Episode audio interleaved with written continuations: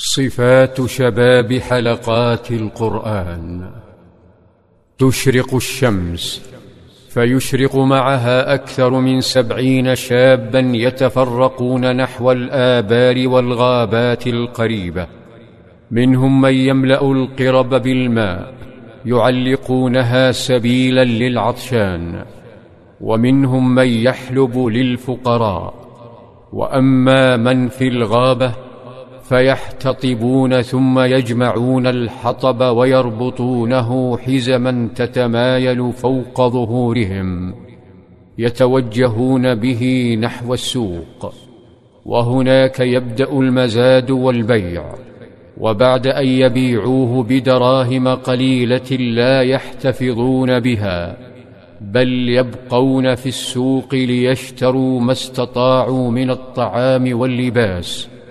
فيهدونها لأهل الصفة وفقراء الشعب ثم يعودون ليقيلوا ويستريحوا وفي المساء يلتفون حلقات لتدارس القرآن حتى بدايات الليل. هل هم عمال أم تجار أم عباد أم علماء؟ إنهم الشباب حين ينفث فيهم القرآن والسنة. انتقى صلى الله عليه وسلم سبعين من هؤلاء الأنقياء وطلب منهم مرافقة الضيوف القادمين من رعل وذكوان وعصية بل ومن بني لحيان الذين باعوا خبيبا.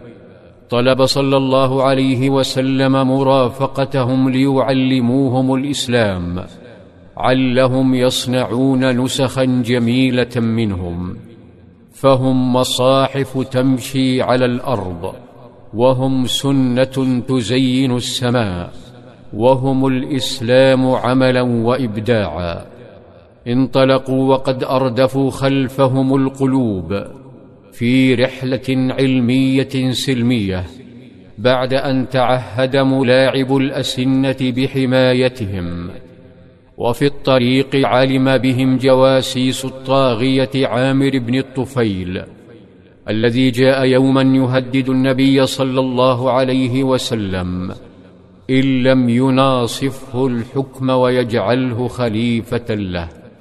فحرض قوم ملاعب ليغدروا بهم. فرفضوا فتركهم وانطلق نحو وثني بني سليم. فاستجابوا وتأهبوا. ولما وصل السبعون بئرا تابعا لبني سليم يسمى معونة رأوا حشدا مسلحا أمامهم. اقترح خال أنس بن مالك واسمه حرام اقتراحا. فقال لإخوته دعوني فلأخبر هؤلاء أنا ليس إياهم نريد. فيخلون وجوهنا.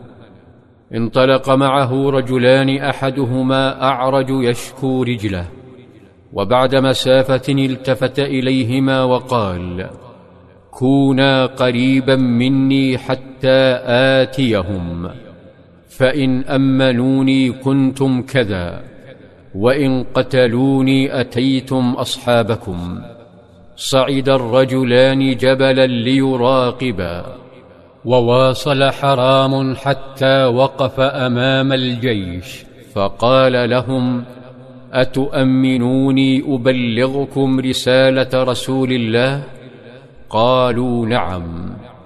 اطمأن حرام فراح يحدثهم عن التوحيد عن الإسلام عن العطاء لكنه كان يحدث قلوبا من الصخر.